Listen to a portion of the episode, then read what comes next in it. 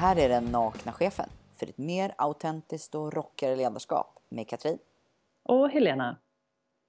Katrin, eh, HBTQ-certifiering, vad handlar det om egentligen? Och, och hur ska jag förhålla mig som chef? Ja, alltså HBTQ-certifiering det är ju en, en möjlighet som finns eh, att utbilda, alltså som all certifiering, det är att man på något vis verifierar att vi har uppnått någon viss kunskapsnivå och vidtagit vissa åtgärder. Mm. Och, och, det kan man ju göra eller inte. Det är ju som all certifiering ett val. Jag tycker poängen handlar ju kanske om, även om det, det är jättebra, det är bra utbildade och sådär, men, men poängen handlar ju om att förstå att det finns olika slags människor. Och mm. de finns i våra företag och organisationer. Eh, och vi har ju ganska starka normer kring eh, könstillhörighet och, och könsidentitet. Eh, även om Sverige är ett land som har kommit jättelångt och har en väldigt liberal syn på, och, på mångfald och liksom människors olikheter jämfört med mm. många andra länder. Men det handlar Men... ju om, det, det det handlar om är ju kunskapen om att människor är olika och inte utgår från att alla är på ett visst sätt. Mm. Men det gäller, ju, det gäller ju alla möjliga saker. Det gäller ju också våra flyktingar som kommer eh, och ålder, det gäller ju allt. Eh, ja, det gör det. Ska man certifiera alla då? Ja, som jag sa, jag tycker inte certifiering är huvudpoängen, men jag tycker inte heller att man kan man kan inte säga så här, nej men vi ska inte utbilda oss i HBTQ därför att vi tycker att åldersdiskriminering eh, eller mångfald med etnicitet är viktigt. För att de, de, det finns ingen motsägelse mellan dem. Tvärtom mm. tror jag, ger det på en eller båda samtidigt eller vad du nu hittar för, för, för mm. variant. Mm. Men, men de hjälper ju varandra. Jag tror att om du har liksom förstått vad hbtq är och att det handlar om vad människor är. Det handlar inte om livsstilsval eller eh, det handlar om människors identitet.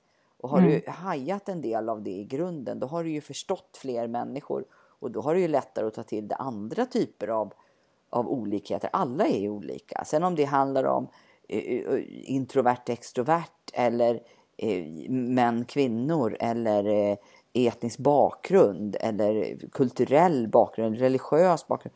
Det, det, jag tror att de där hjälper varandra. Så låt inte bli utbildade i HBTQ därför att Därför att du tänker att nej, men här finns ju en massa andra olikheter som är lika viktiga. För mm. då, då, ställer man dem på något vis mot varann och det blir väldigt konstigt. Mm. Jag är, personligen så kan jag väldigt lite så jag uppskattar fantastiskt det här samtalet med dig Katrin där, du, där jag vet att du både har varit intervjuad kring frågan och eh, kan väldigt mycket.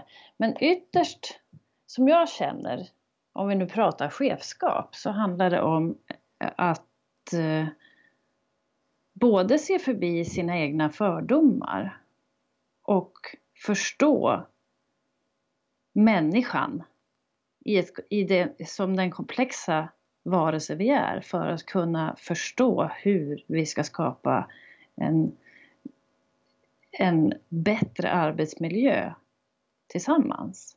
Har jag förstått det rätt? Då? Ja, det tycker jag. Men det, det, det där är ju inte en förklaring på HBTQ, men det är en förklaring på att förstå att människor är olika. Men, mm. men om man snackar om HBTQ, så, så, och det är det vi gör nu, så handlar det också om ren och skär kunskap. Vad mm. är det för någonting? Vad står H för? Vad står B för? Vad står T för? Vad mm. står Q för? Så. Och, mm. och plusset därefter också, HBTQ plus pratar man ofta om. Mm. Eh, och, och, och, att liksom veta någonting om det. Mm. Eh, och jag har ju fått utbilda mig genom att jag är hbtq-förälder. Mm. Och det var liksom så det började för mig. Jag kunde inte nog särskilt mycket om det här för ett antal år sedan. Men genom mitt barn så har jag ju gått på, på Pride och framförallt på föreläsningarna under mm. Stockholm Pride och lärt mm. mig enormt mycket.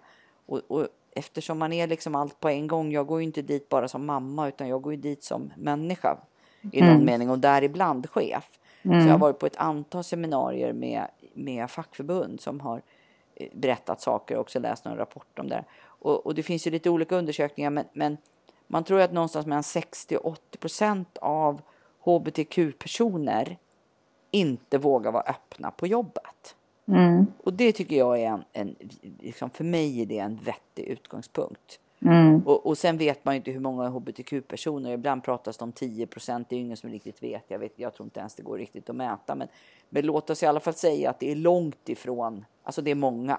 Så mm. kan vi säga, det är många människor. Och de, och, och, och de finns överallt. Så det är inte så att nej, här har vi inga eh, gay eller transpersoner. Jo, men det har det ju sannolikt precis överallt. Eh, och alltså behöver man ju veta någonting om det. Och om, om många människor inte vågar vara den de är, alltså vara sitt fulla kompletta jag på mm. jobbet, mm. då är ju det ett jättestort problem. Det är ett mänskligt lidande och det är faktiskt ett stort ekonomiskt problem. För att ju mer vi vågar vara oss själva, det brukar ju vi prata om i Nakna Chefen och ja. mycket på att ju mer vi, vi har liksom tillgång till oss själva, desto bättre kan vi ju vara på jobbet och vi blir gladare och känner oss mer kompletta och då gör vi ett bättre jobb. Och det här har ju jättemycket forskningsstöd. Det är ju lite grundtema för Nakna Chefen. Det är relevant att prata om det här. Så om mm. vi kan hjälpa fler människor att mm. våga vara hela sig så är det, då minskar vi ett mänskligt lidande och ökar vår produktivitet. Så det var väl enkelt att räkna ut att man behövde utbilda sig i HBTQ. Mm. Väldigt. Det var, det var väldigt enkelt. men men då, säger, då säger jag då det, det jag kan tänka mig att, eh, att de flesta, ja det måste man utbilda sig inom och så måste man utbilda sig inom informationssäkerhet och så måste man utbilda sig inom, du vet den där va. Ja. Jag skulle vilja fråga dig lite grann, eh, vad, hur ser du på prioriteringen då? Hur mycket ska man utbilda sig i? Ja, och, och vad ska man prioritera att utbilda sig inom? Som ja, alltså, alltså, det är ju, eh, man vill ju gärna, alltså säg så här, någonstans finns det en syn hos mig som är att, precis det du säger, att det handlar om att göra skapa en arbetsplats där människor kan vara hela sig på arbetet. Det är på något vis ett huvuduppdrag som chef. Annars kommer inte personerna att kunna göra det i kulturen. Och då är frågan, hur stort ansvar har man och vilket ansvar har man och vem? Alltså det, det är otroligt svårt tycker jag den här frågan. Och det är jättesvårt och eh, det är väldigt lätt.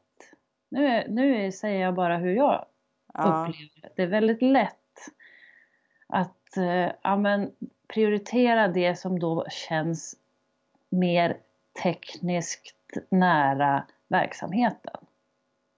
Typ informationssäkerhet. Då skulle jag precis just nu, eftersom det eh, prioritera det kanske först. Så det alltså Ja. Så krasst är resonemanget ja. Och, hur, och hur, hur, upplever du att det, det, hur resonerar du kring det? Ja, jag tycker det där är lite att fega ur faktiskt. Därför att det är klart mm. man kan behöva utbildas på andra saker. Vi behöver ju kontinuerligt kompetensutveckla oss. Mm. Men, men att inte till exempel hinna läsa eh, fyra sidor sammanfattad skrift från RFSL om vad HBTQ är som tar en kvart. Och mm. läsa det med ett öppet sinne det, mm. det kan inte jag, eh, liksom, det är klart man hinner det. Ja men och, det är klart man hinner det. Och, och sen kanske det räcker för nu. Du mm. måste ju inte gå liksom en åtta veckors kurs, det tror jag inte ens finns. Eller ja, det är om man går in i certifiering då så är ju det mm. fantastiskt. Men, men, och som alla satsningar så handlar det om att man ska göra det som har en effekt på något sätt. Och då, mm. då tror jag jättemycket på precis det jag pratade om. Om vi, mm. om vi som chefer kan göra något som som hjälper våra medarbetare att må bättre. Mm. Eh, och, och liksom ger pay-off på det. Det är klart vi ska göra det då. Det, är ju inte, det går inte att prioritera bort. Sen exakt när man gör det. Men ska man nu inte certifiera eller eh, åka på Pride och lyssna på föreläsningar som jag har gjort eller eh, ens läsa den där, jag vet inte om den är fyra sidor, men det finns bra sammanfattade skrifter. Då, då tycker jag att om man ska förenkla det, då kan man göra en, en schysst utgångspunkt som är så här. Ett, vara medveten om dina egna fördomar. Mm. Och, och, inse att vi lever i ett väldigt könsnormativt samhälle som har gjort liksom hetero cis-personer till norm. Cis betyder alltså att man identifierar sig med det kön man tilldelades vid födseln. Mm. Alltså man har aldrig sett någon krock mellan dem. Mm. Så är man hetero cis då tillhör man en stark norm. Det kan man börja med att liksom bara köpa eller förstå. Ja, så mm. är det. Och det mm. finns någonting utanför den normen. Okej, okay, så är det.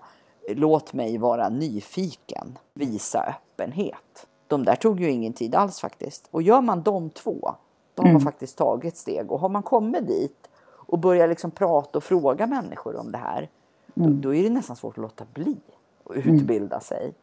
Eh, och det behöver inte alls vara att gå en kurs. Det kan vara att läsa saker, läsa artiklar eller gå på någon föreläsning eller vad man nu väljer att göra. Men det är väldigt intressant och för mig har det varit oerhört berikande som människa. Så att jag utgår inte från att jag har en plikt som chef att lära mig de här grejerna utan jag tänker mer att det här är spännande och intressant för mig som människa. Jag har lärt mig väldigt mycket om mig själv också.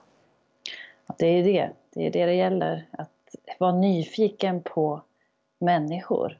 Det är det det handlar om. Ja, det är det och, det handlar om. Och våga vara nyfiken på människor. Ja. Och våga se sina egna fördomar. Ja. Då tar vi ett steg. Ett det är stort, det som är stort steg. Ja, det är det som är spännande. Så är det. Det här är den nakna chefen. Med Katrin. Och Helena.